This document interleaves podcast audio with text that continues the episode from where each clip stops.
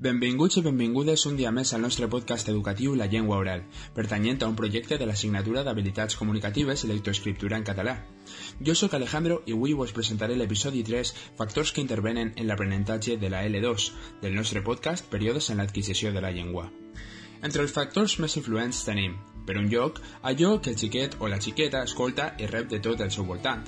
Tot el vocabulari, les expressions, les regles ortogràfiques i demés que s'emprèn amb ell o ella tindran un reflecte fidel en la parla futura de l'individu.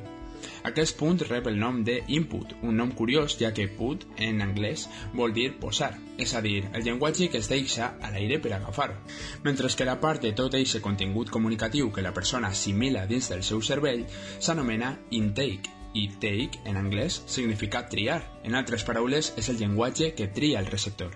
Per altra banda, tenim l'output, que és el resultat de l'input, ja que és el domini que presenta l'alumne d'aquesta segona llengua després d'haver assimilat el que deien els emissors.